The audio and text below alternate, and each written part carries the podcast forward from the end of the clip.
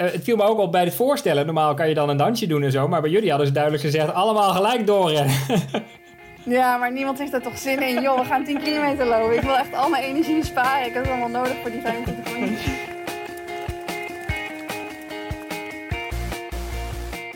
Welkom bij de 57e aflevering van Suzy Q&A, de podcast over hardlopen, training en wedstrijden. Ik ben Oliver Heimel, hoofdredacteur van Runners World en aan de lijn heb ik Susan Crummins, net terug van de Olympische Spelen in Tokio. Suzanne, de 10.000 meter bracht niet helemaal wat je van gehoopt hebt, denk ik. Zag je dat aankomen? Hoe ging het precies?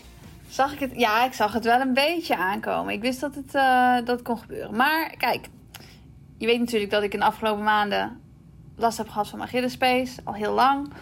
Um, en dat ik weinig heb kunnen trainen. Alleen de laatste maand ging het eigenlijk super goed. Dus ik dacht eigenlijk van, nou ja, dit, qua vorm begint het net op tijd weer goed te komen. Net zoals altijd weer de lekkere inhaalrace. Ja.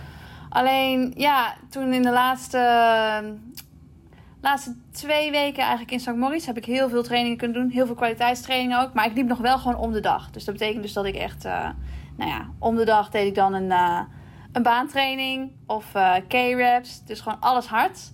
En dan de andere dag deed ik dan een alternatieve training. Omdat ik eigenlijk nog maar om de dag kon lopen. Maar het maakte niet zoveel uit of ik nou hard liep of veel liep. Wat de reactie was. Dus toen dacht dan doen we gewoon alles hard. Dus dat ging eigenlijk heel goed.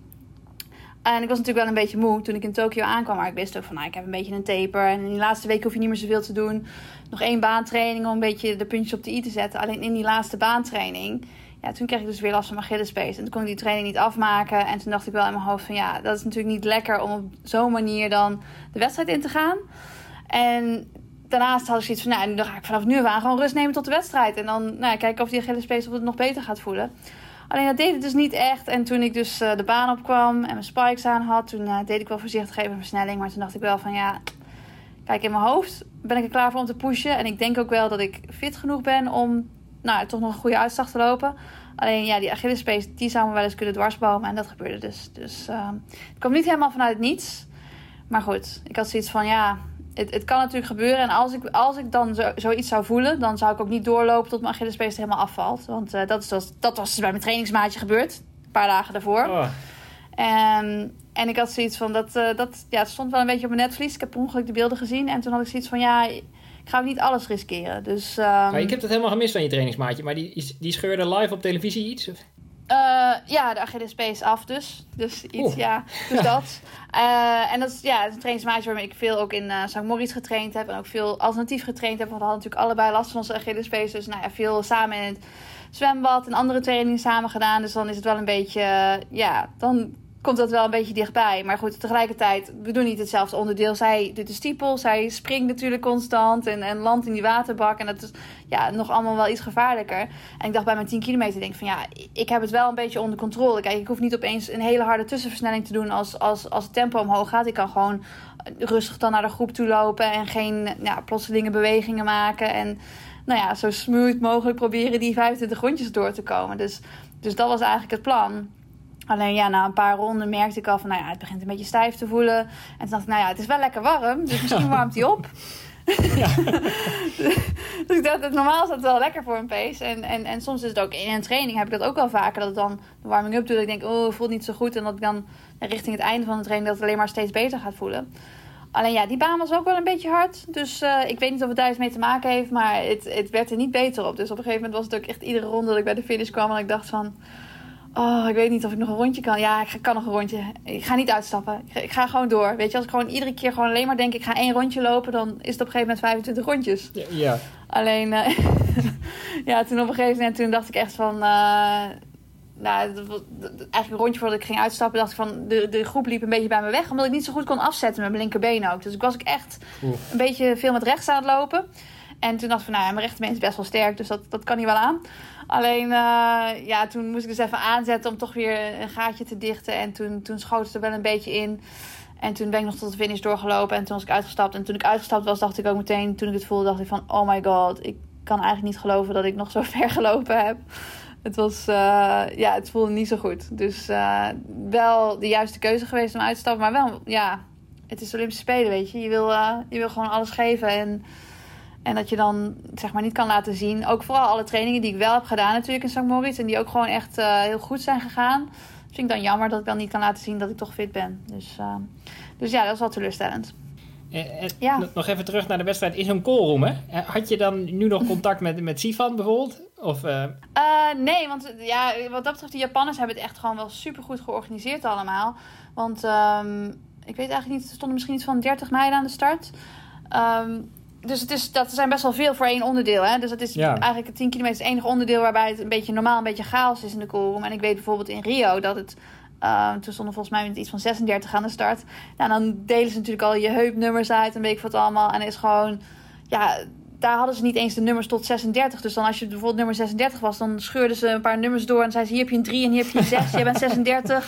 Weet je wel. En zo begonnen ze zo snel die nummers te geven. En iedereen was aan het schreeuwen. En op een gegeven moment zijn ze er gewoon mee opgehouden. En zeiden ze, oh, jullie moeten nu de baan op. En toen, ehm, de helft van het veld had toen bijvoorbeeld ook geen heupnummers gekregen. Omdat het gewoon allemaal zo chaotisch georganiseerd was.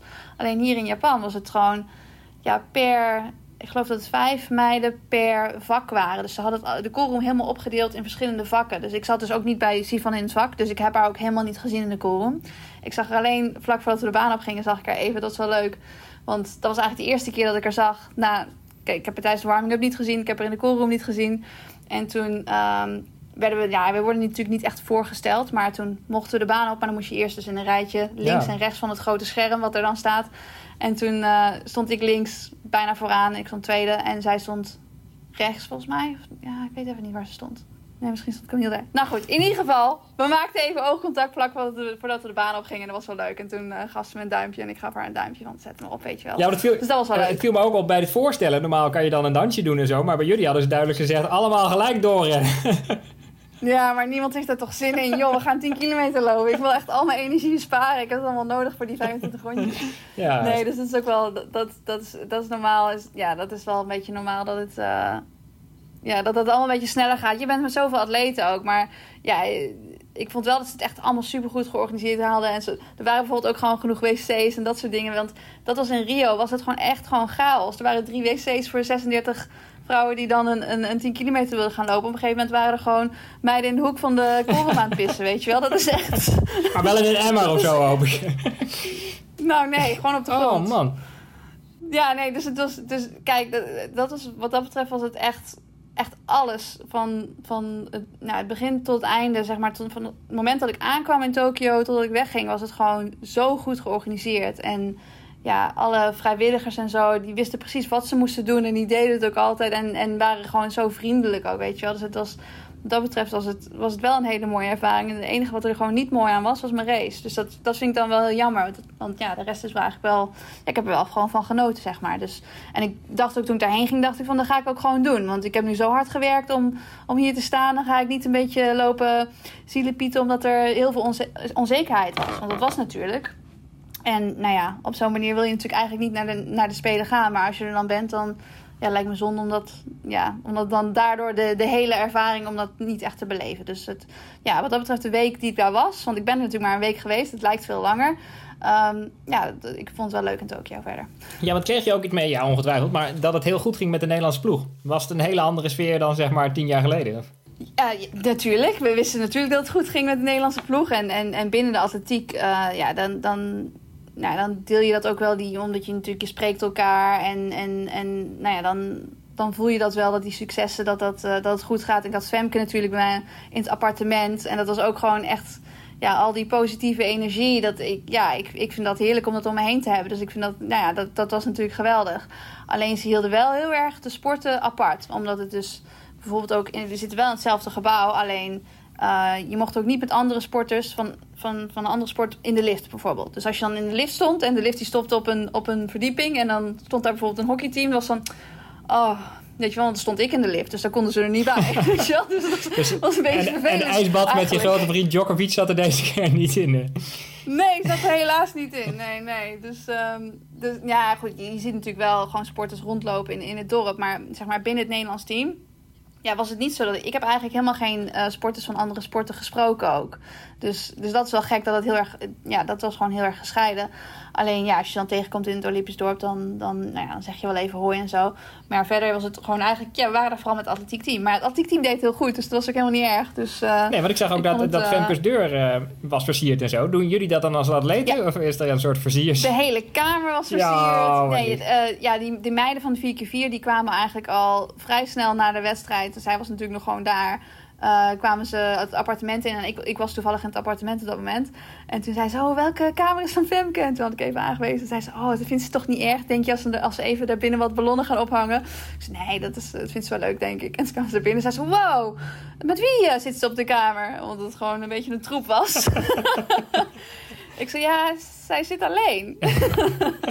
dus... Uh, maar goed, in ieder geval allemaal ballonnen en slingers opgehangen. En toen van NSC en NSF kwamen ze ook nog, zeg maar, de, in de rest van het appartement hadden ze ook nog wat dingen opgehangen en zo. Dus dat is ook wel leuk, want ja, die ballonnen hingen daar natuurlijk ook de hele week. Ook in de gang. We noemden hem de eiers, omdat ze een beetje op eiers leken. Dus dat was, de eiers hangen er nog. Eén groot succes. Nee, maar dat is natuurlijk super leuk. Dus dan heb je wel gewoon, nou ja, ook als je ochtends wakker wordt en je, en je ziet meteen slingers in de huiskamer hangen, dat is gewoon wel gezellig. Dus uh, ja, wat dat betreft hadden we gewoon echt wel een heel leuk appartement ook. En maar, maar kreeg je ook veel sport mee? Ik bedoel, was er iedere, kon je in de lift ook nog kijken naar het roeien enzovoort? Of uh, stel ik me dat helemaal verkeerd voor? nou, uh, ze hebben dus wel, in het gebouw hadden we wel, bijvoorbeeld beneden hadden we dan een, tv met wat banken. Daar zaten niet zo heel vaak mensen. Maar er was ook een lounge op de tweede verdieping. En die, nou ja, dat is dan helemaal oranje aangekleed. Dat heeft NOC-NSF dan gedaan. En, en daar komen wel eens mensen samen om wat tv te kijken. Maar eigenlijk was het niet de bedoeling dat je daar met z'n allen tv ging kijken. Maar daar was ook koffie en er stonden uh, koelkasten met kwark en nog wat andere dingen. Dus daar kon je eventjes, nou ja, een koffie pakken of weet ik wat. Kon je even wat doen en dan kon je eventjes een paar minuten ook even naar het atletiek kijken. Maar eigenlijk was het meestal atletiek wat erop stond. En dan was er nog een andere tv en dat is dan met verschillende sporten. Maar ja, goed, het ze probeerden wel echt ervoor te zorgen dat mensen niet allemaal bij elkaar gingen hangen. Want je werd natuurlijk ook gewoon, nou ja, je wordt, je wordt iedere dag word je ook gewoon getest. We deden dus iedere dag van die uh, speekseltesten. Die moest je dan s ochtends of s middags inleveren. En dan s'avonds kwamen dan uitslagen. En dan als je dan niks hoorde, dan, dan was het goed. En als je wel iets hoorde, nou ja, dan had je dus positief getest. Maar het was natuurlijk ook voor de medische staf wel fijn als je dan, stel dat er iemand positief test, dat je dan naast dat je de bubbel met het Nederlands team hebt, dat je dan binnen het Nederlands team ook nog de bubbels hebt van de verschillende sporten. En dan dat je eigenlijk alleen maar, zoveel mogelijk alleen maar met de mensen uit, uit je appartement omgaat en niet nog met het hele team. Want ja, dan weten ze natuurlijk ook niet waar het waar het allemaal, weet je, wie er allemaal positief kan gaan testen. Dus nou, da, daarvoor proberen we wel een beetje voorzichtig te zijn en, en niet te veel bij elkaar te zitten en, en uh, daar tv te kijken in de lounge. Maar ja, als er een onderdeel op was en, en we waren gewoon in het appartement, dan gingen we altijd wel gewoon samen kijken. Ik heb bijvoorbeeld samen met Femke ook uh, toen de 4 keer 4 mannen, uh, toen die estafette gingen lopen, de, de series, die hebben we samen gekeken. En ja, toen was er verder eigenlijk bijna niemand meer in het gebouw, weet je wel. Dan zaten we daar met z'n tweeën, yay, ja, ze hebben het gehaald, weet je wel. Dat is wel, dat is wel heel gek, want het is, ja...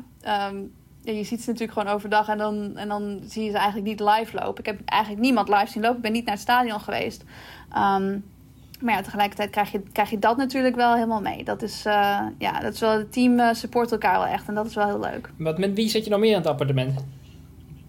Uh, ik zat met Nadine Visser, Nadine Broersen, Marije, Um, en Zoe was er ook trouwens, Zoe de hordenloopster. Alleen die, um, ja, omdat je dus 48 uur na je laatste race moest je ook weer meteen terug naar Nederland. En zij zat natuurlijk heel vroeg in het toernooi. Dus wij hadden eigenlijk maar iets van twee dagen overlap. Dus dat was, uh, dat was ook wel heel gek. Want ja, in Rio was het natuurlijk zo dat het, nou, na, naarmate het einde van het toernooi in, in zicht kwam, was het een beetje, ja, dan wordt het een beetje drukker en een beetje gezelliger. Want er zijn heel veel mensen zijn ook, nou ja, zijn of klaar of en als ze, als ze dus zeg maar uh, niet in het Olympisch dorp willen zijn, dan gaan ze misschien een beetje de toeristen uithangen. En dan heb je daar verder ook geen last van. Maar de mensen die nog in het Olympisch dorp waren, die, ja, die gingen ook gewoon anderen aanmoedigen en dat soort dingen. En nu was het gewoon, ja, werden op een gegeven moment steeds minder atleten. Weet je wel? Dus het werd steeds rustiger in het dorp.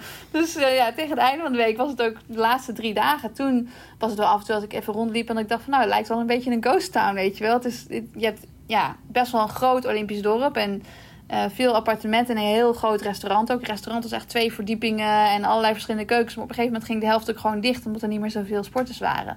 Dus, dus dat was wel, was wel een beetje gek. En uh, de laatste dag dat ik wegging, toen.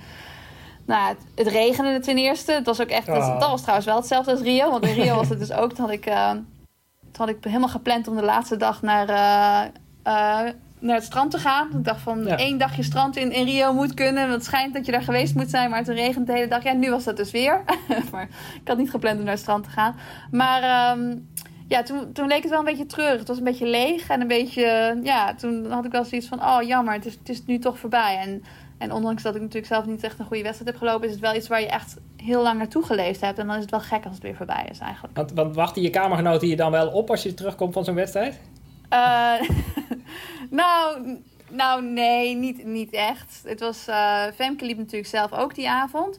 En meestal is het ook als je een wedstrijd hebt gelopen, dan... Uh, ja, sowieso door de cafeïne slaap je niet meteen. Dus wij gingen gewoon met, uh, ik ging met een paar van mijn trainingsmaatjes die een Nieuw-Zeelandse en een Canadese gingen we ook even in het restaurant eten en een beetje nakletsen. En er zaten ook wel heel veel Nederlanders ook in het restaurant. Ja, en dan blijf je gewoon heel lang in het restaurant zitten. Want dat was eigenlijk de enige plek waar je wel samen bij elkaar mocht zitten volgens de regels en gewoon kon praten. En als je gewoon aan tafel zat met eten voor je neus, dan mocht het mondkapje ook even af, weet je wel. Dus dan kon je daar gewoon even relaxed zitten. En um, ja, toen ik terugkwam in het appartement, toen, uh, ja, toen was het ook gewoon laat. Was het gewoon, uh, weet ik veel wat. Het was, het was bijna twee uur, geloof ik. En uh, dus, dus die andere roommates die sliepen al inmiddels. Ah, ja, de, ja. ja. Er was trouwens ook veel te doen over de Japanse georiënteerdheid van het eten. Ik weet niet of je dat hebt gelezen, maar... De... Ja, de Japans was dus echt gewoon het beste van alle keukens. Want ik weet niet wat het probleem daarmee is, maar... Ja, nou, ik kan me voorstellen als je heel gevarieerd eet en dan alleen maar sushi een week is heftig. Maar zo was het niet. Ja. Nee, maar Japanners eten helemaal niet alleen sushi. Dat, dat denken, denken Nederlanders misschien. Ja, dat is... nee, de Japanse keuken was echt... Dat was geweldig. Daar heb ik eigenlijk heel vaak gegeten. Maar in het restaurant had je natuurlijk verschillende afdelingen. Dus je had dan World Kitchen. En dat was eigenlijk van alles gewoon gemixt. En, en veel Aziatisch ook. Um, en dan had je Japans. En hij had ook nog een, een sectie met alleen, zeg maar pizza, pasta. Um, je had uh, glutenvrij, uh, vegetarisch. En je had een heel uh, koffie-eiland. En weet ik, dat was natuurlijk de mooiste plek.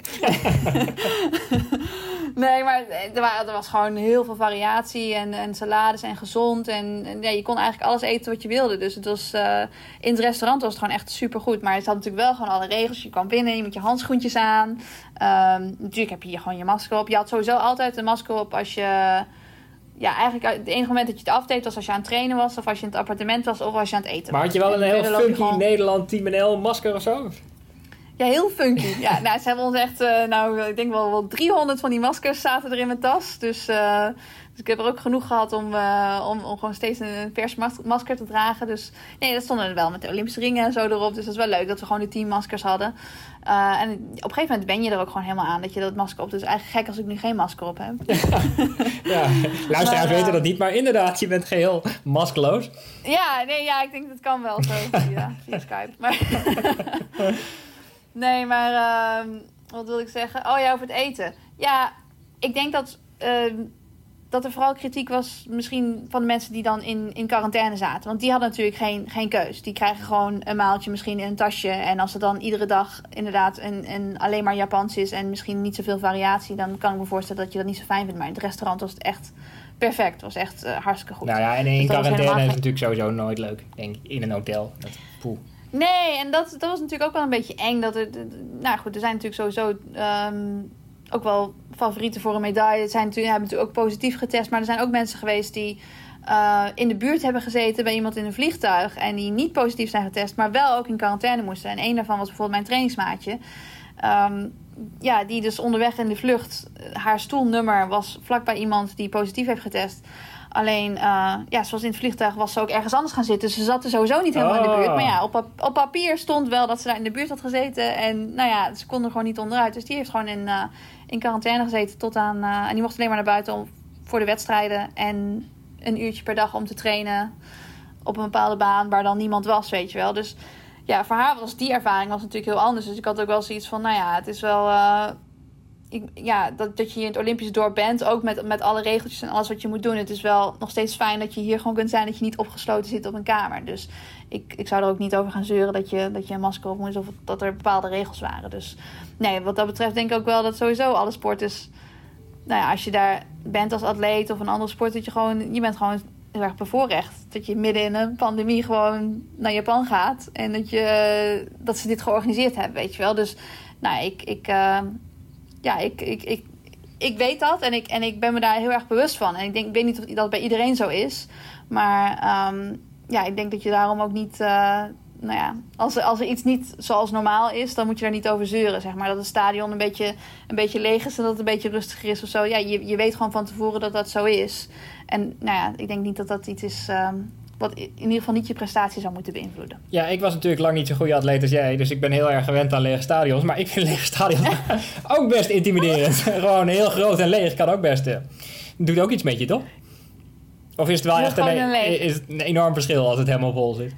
Oh, dat is wel een heel groot verschil. Maar ja, moet ik zeggen dat mijn, mijn hele, hele frame of mind natuurlijk een beetje... Ik was sowieso een beetje afgeleid omdat ik eigenlijk met andere dingen bezig was. Weet je wel? Ja. Ik was niet heel erg... Normaal ga je een wedstrijd in en dan denk je gewoon van... Oké, okay, nou ja, hoe ga ik tactisch lopen? Waar moet ik op letten? Hoe haal ik vandaag het beste uit mezelf? En nu was het meer zo van... Man, ik hoop dat die pace dat gaat houden vandaag. Dus dat is ja, dat is, dan, dan, dan, zit je, ja, dan ben je toch met andere dingen bezig. En dat je dan lege stoeltjes ziet. En ja, dat is lege stoeltjes, dat klopt. Dat wisten we dat die leeg waren, weet je. Dus, nou ja, Het lijkt mij, als, als ik moest lossen, zeg maar, dan dacht ik altijd, iedereen kijkt naar me. En later dacht ik, nee, er is helemaal niemand in het stadion. heeft niemand dit gezien. Maar bij jou is het natuurlijk anders. Zeg maar. Ja, nou ja, op zich de Olympische Spelen dan kijken wel de hele ja. wereld mee. Maar dat is, ja, je ziet ze dus niet direct, nee. Dus het is... Uh, ja, het, het, was een hele, hele gekke ervaring. Maar ik ben wel blij dat ik uiteindelijk gegaan ben. Dus het is, en ik denk ook wel dat... Um, ja, ik moest dat ook doen om te kijken wat ik kon doen, weet je wel. Dus ja. kijk, voor hetzelfde geld had, was het wel goed gegaan. En ik heb gewoon een beetje pech gehad ook in die laatste week natuurlijk met die laatste training. Ja, trouwens, direct nadat je uit de wedstrijd was, dacht mijn dochter, die natuurlijk fan van je is, de hele tijd dat ze je nog zag. En dan zei ik: nee, nee, dat is een hoogspringster. Want die waren ook nog bezig. maar is er dan een punt waar je heen kan? Moet je dan de hele wedstrijd nog uitzitten? Of, uh... Nee, dan kun je gewoon meteen de mixzone door. Dus dat. Uh, uh, dat heb ik ook maar meteen gedaan. Ja, want ik ga daar niet uh, de wedstrijd staan kijken. Dat is, ik kijk er liever niet naar dan, als ik er zelf niet in zit. Nee, ik kan me voorstellen. dus, uh, ja, er won wel een Nederlander, dus ik, dus ik kan me voorstellen dat je nog even bleef hangen om het te kijken. Nou, ik heb, dus, de, ik heb dus wel de laatste ronde gekeken. Want toen was ik inmiddels een stukje verder in de mixzone. Want eerst heb je dan dus tv, maar dan moet je dus ook gewoon zigzaggend doorheen. En dan moet je steeds ook weer moet je een, een trap op en dan weer een trap af. Nou, en als die pace niet zo lekker voelt, dat, Oeh, dat ging ja. bij mij niet zo makkelijk allemaal. Dat was, dat was nog een hele uitdaging. Um, maar inmiddels was ik toen zeg maar iets verder in de mixzone. En toen hadden ze daar ook een tv. En toen heb ik wel de laatste ronde nog even gezien. En toen, uh, ja, dat was natuurlijk, uh, dat was uh, te gek. was wel, wel echt bijzonder. En, en het was daar heel rustig nog. Maar iedereen, iedereen was wel naar de tv aan het kijken. En zo, oh my ja, god, ja, weet je, ook de buitenlandse pers. Dus, um, maar wist jij, wist jij dat, dat ze zo goed was? Heel Nederland keek daar natuurlijk een beetje nee. Nee, nee, nee, natuurlijk niet. Het is, dat is sowieso iets, dat is gewoon nog nooit eerder gebeurd. In, ik denk dat er geen enkele andere atleet is die, ja, in lange afstand lopen heb je bijvoorbeeld... Kelly Holmes heeft natuurlijk een dubbel gedaan. Maar, maar verder komt dat gewoon helemaal niet voor. En een triple, ja, ze heeft natuurlijk niet drie keer gewonnen. Maar sowieso dat ze alleen al al die wedstrijden loopt. En, en dan ook nog eens drie medailles pakt. Dat is, uh, dat is absoluut de beste prestatie ooit. Dus dat is, nee, ik had, het niet, ik had dat niet zien aankomen. Ik dacht wel echt dat, dat ze een keuze moest maken tussen, tussen de onderdelen. Dus... Uh, ja, en dan tussendoor was natuurlijk ook, had ze druk met uh, Twister en uh, ja. allerlei andere dingen, bootjes varen. ja.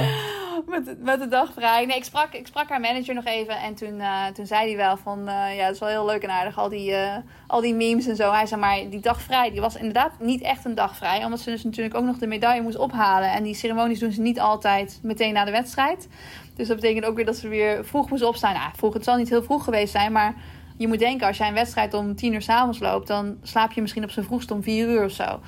Dat is, uh, en als je dan weer om tien uur s ochtends weer uh, een medaille mag ophalen, dan is dat best wel vroeg. Dus, nou ja, nee, nee, ze heeft het druk gehad. En die uitreikingen zijn natuurlijk allemaal verplicht, toch? Ik, ik heb regelmatig op een podium gestaan dan als derde, terwijl de nummer twee en nummer één niet meer kwamen opdagen, omdat die al lang naar huis waren. Oh, maar bij jullie is het lastig overslaan of lastig aandragen of het iets later mag? Ja, ik denk als je wel Olympische spelletjes een medaille wint, dat je hem wel gaat halen. Dat is, lijkt me wel.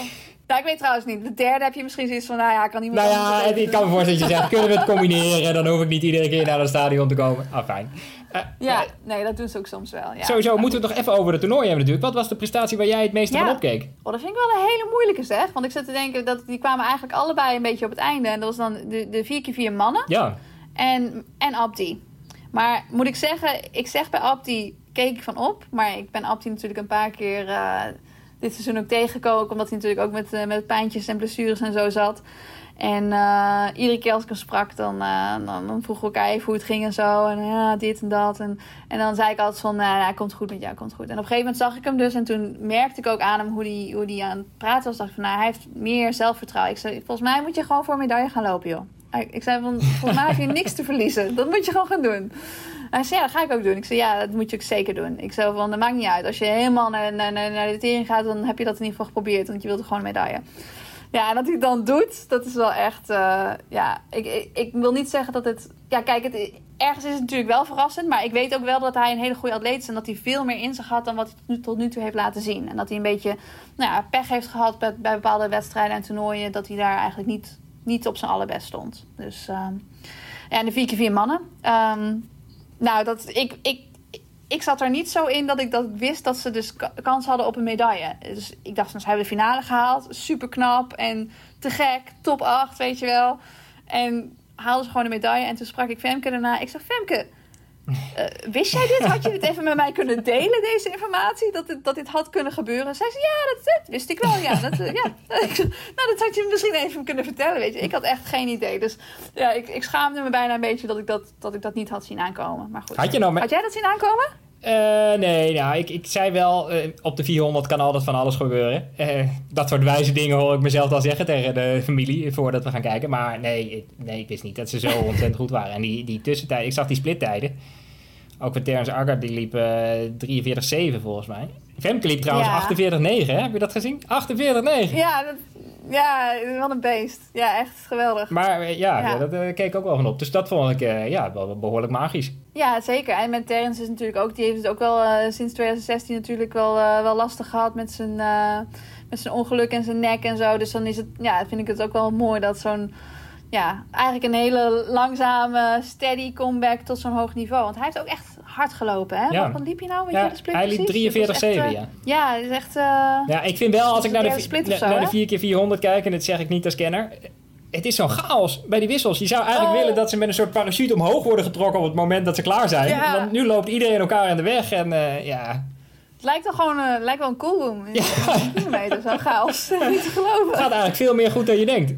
Um, ja, nee, en, ja, en dat was ook nog zo. Dat er dus gewoon best wel hard werd gelopen met, met atleten die gewoon echt aan het zigzaggen waren tussen andere atleten door. Maar daar, ik vind het wel heel spectaculair altijd om te kijken. Maar je wil natuurlijk wel alleen dat het dan bij Nederland goed gaat. En dat als er dan iets gebeurt bij anderen, wow! Maar dat je, Nederland moet wel gewoon als smooth gaan. Maar ja, uiteindelijk ging het wel goed voor Nederland, toch? Ja, nou, ja op de 4 keer 400 wel. Op de 4 keer 100 uh, ging het natuurlijk net iets minder. Maar uh, ja, dat was inderdaad, dat was balen. En dan, ja, dan, kijk, ik zat natuurlijk ook in het, uh, in het appartement, ook met, met Marije en Nadine. En dan, ja, dat is gewoon balen dat het dan, dat het dan voor sommigen in het appartement heel goed gaat, zoals bij Femke. En dat bij hun dat dan de wissel misgaat en dat ze dan eigenlijk geen resultaat hebben. Weet je nog wat je zei? Je wel die, wat ik zeg, ze zei, ja. als eerste toen ik ze weer zag.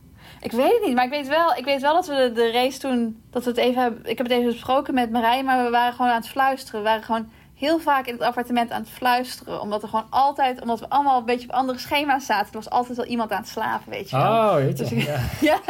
dus uh, fluisterend waren we de race aan het bespreken. Maar ik weet niet meer precies waar, wat we allemaal gezegd Ik heb haar gewoon de verhaal laten vertellen. En uh, ja, zij zei ook een beetje van, nou, het is wat het is, weet je. Ja. We moeten dit nu, nu accepteren. Dus dat is...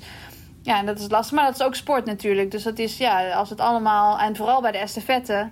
En met wissels. En je, weet gewoon dat er heel veel mis kan gaan. Dus dat is. Uh, ik zei ook tegen haar van ja, weet je, het is, je denkt altijd misschien bij jezelf als er iets misgaat, dan ben je er heel erg op gefocust en dan denk je, oh, waarom gaat het bij mij altijd mis? Maar als er bij iemand anders iets misgaat, dan, nou, dan zeg je even tegen van, ah, oh, dat, dat is balen dat het misgaat. En daarna vergeet je dat ook weer, weet je wel? Dan, dus je, je staat daar niet zo lang bij stil. Dus ik zei ook tegen haar van ja, zo'n land als bijvoorbeeld uh, uh, Groot-Brittannië, daar, die hebben ook heel veel goede estafettelopers waarbij het heel vaak eigenlijk op een toernooi mis is gegaan. Maar in Nederland focussen we daar niet zo op. Daar is het gewoon, gaat het constant in de pers ook alleen maar over dat zij altijd falen met de wissels en weet ik wat allemaal. Ja, daar denken wij niet zo aan. Dus ik denk wel dat je altijd wat, wat harder bent voor jezelf. Terwijl er ook heel vaak dingen wel goed gaan. Dus ik denk dat. Ja, maar in haar specifieke geval leek het me ook wel hartverscheurend dat je al die adrenaline over hebt. omdat je letterlijk niet gelopen hebt. Je kan het niet even kwijt, zeg maar. Nee, dat is ook zo. En, en zij, zij, is ook, uh, zij is ook een Achillesmattie. Oh, kijk. zij is ook iemand die... Zij heeft ook last van een... Ja, daar heb je toch een ja, ja, speciale band heb je dan meteen. Dat is wel... Dat is toch, toch anders, weet je wel. Met Jamil heb ik dat ook, weet je wel. Dan kunnen we over onze, onze peesproblemen praten. Nee, en uh, het is dan, dan... Ja, dan is dat helemaal baan natuurlijk. Dan doe je er alles aan om daar überhaupt te staan. Om nou ja, die pace gezond genoeg te laten zijn. Zodat je gewoon keihard 100 meter kan gaan sprinten. En dan doe je geen sprint. Dus dat is dan, ja. Dat was natuurlijk, ja, ze had natuurlijk een beetje een uh, revanche willen nemen na haar eigen 100 meter. En dat is, uh, ja, dat is, dat, is, dat is zeker balen. Maar hopelijk kan ze nog gewoon een mooi uh, naseizoen ervan maken. En, en dat is ook zo, dat, ja, voor niemand is het seizoen natuurlijk, als je gezond bent, zijn er gewoon nog andere wedstrijden en kun je nog laten zien als je in vorm bent. En natuurlijk wil je dat op de Spelen doen, maar ja, life's not over. Nee, dat is waar. Had, had je wel het idee dat die baan ook nog extra blessures gaf? Of, want ik zag bij de sprintnummers... Extra blessures? Nou, ik, ik, zag wel veel mensen uitvallen aan alle kanten. Ik dacht, oeh. Ja, het, het, viel mij ook op. Maar weet je waar, waar dat denk ik ook aan ligt? En dat is natuurlijk bij mezelf ook. Ehm, als dit nu een EK was geweest, dan vraag ik me af of ik dezelfde route had afgelegd. Of ik zo hard had gepusht. Of dat ik al eerder in het seizoen had gezegd weet je, dit is gewoon te moeilijk. En dit, dit, gaat me niet lukken om daar goed genoeg te staan. En nu denk ik dat er meer atleten zijn die dan toch nog even dat beetje extra willen geven. Toch nog het extra risico willen nemen om er toch te staan. Dus dan heb je ja, in de wedstrijd zelf neem je gewoon meer risico. En dan ja, kun je sneller geblesseerd raken. Dus ik denk dat het eerder iets te maken heeft met de Spelen. Maar ik weet eerlijk gezegd niet van Rio of er ook zoveel blessures waren. Nee, dat weet ik ook niet. Maar ik, ik ben helemaal geen loopapostel. Maar ik zeg natuurlijk altijd wel tegen mensen... hardlopen is hartstikke goed voor je. en als je dan kijkt, dan je levensgevaarlijke sport. Uh, maar we kunnen be bevestigen... als je gewoon rustig hardloopt... dan meestal is het vooral goed voor je. Ja, heel, ja, inderdaad. Gewoon heel voorzichtig hardlopen, inderdaad. Maar goed. Hey, en uh, hoe is het nu met jou? Hoe, hoe gaan we verder? Ja, maar Gillespace die heeft natuurlijk wel een beetje... Die is een beetje boos. Die is... Uh, die teleurgesteld. Is, eigenlijk iets ja, die is, die is ook teleurgesteld in mij, mijn pace. Dus ik moet die wel eventjes een beetje laten herstellen. Dus ik wil nog wel wedstrijden lopen, omdat ik ook echt wel het idee heb dat ik wel in vorm ben. En dat ik gewoon wel hard kan lopen. Alleen, ja, de Achillespees die dan net, net een beetje boos was in combinatie met de, met de spikes, was even niet zo'n lekkere combinatie. Dus ik moet dat nu even een beetje rust geven. En dan uh, ja, hopelijk nog wat wedstrijden lopen. Maar ik weet dus niet of ik iets op de baan ga doen. Uh, nou, op de weg is er natuurlijk gewoon genoeg, ook dit najaar. Dus ik heb niet specifiek één wedstrijd waarvan ik denk van, nou, daar moet ik staan. Ik wil gewoon gezond zijn en dan wedstrijden lopen. Dus, uh, maar goed, zeker wel dit jaar, najaar dat er weer iets is. Dus, uh, maar najaar is ook een, een 10 kilometer op de weg, toch? En, een NK 10 kilometer in hem. Ja, NK 10 kilometer inderdaad, die staat op het programma. Dus dat zou dan de eerste zijn.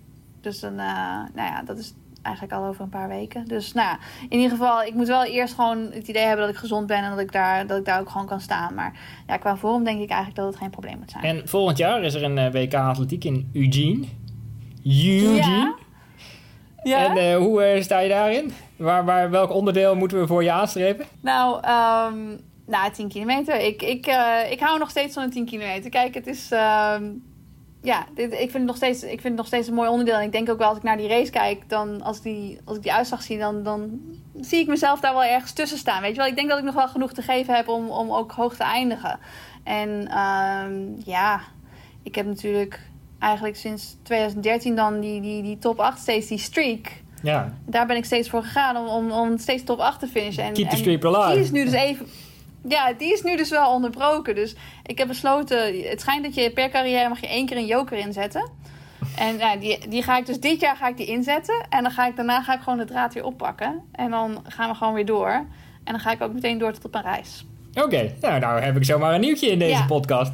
Ja, heb je zomaar een nieuwtje. Ja, het is... eh, er zijn heel veel toernooien. Volgens mij zijn het vier, vier toernooien. Want het is natuurlijk eh, het WK en het EK volgend jaar. En dan weer een WK en een Spelen. Het zijn zoveel toernooien in zo'n korte tijd dat ik zoiets heb van... Ik vind het gewoon te leuk en ik wil nog gewoon doorgaan. En ik heb er vertrouwen in dat die pace dat het weer goed komt. En eh, nou ja, dan eh, gaan we gewoon nog door. Maar vooral op de 10 kilometer, ja. En ja, je bent een goede toernooiloper, dus dat lijkt me heel verheugend dat je zoveel toernooien achter elkaar hebt.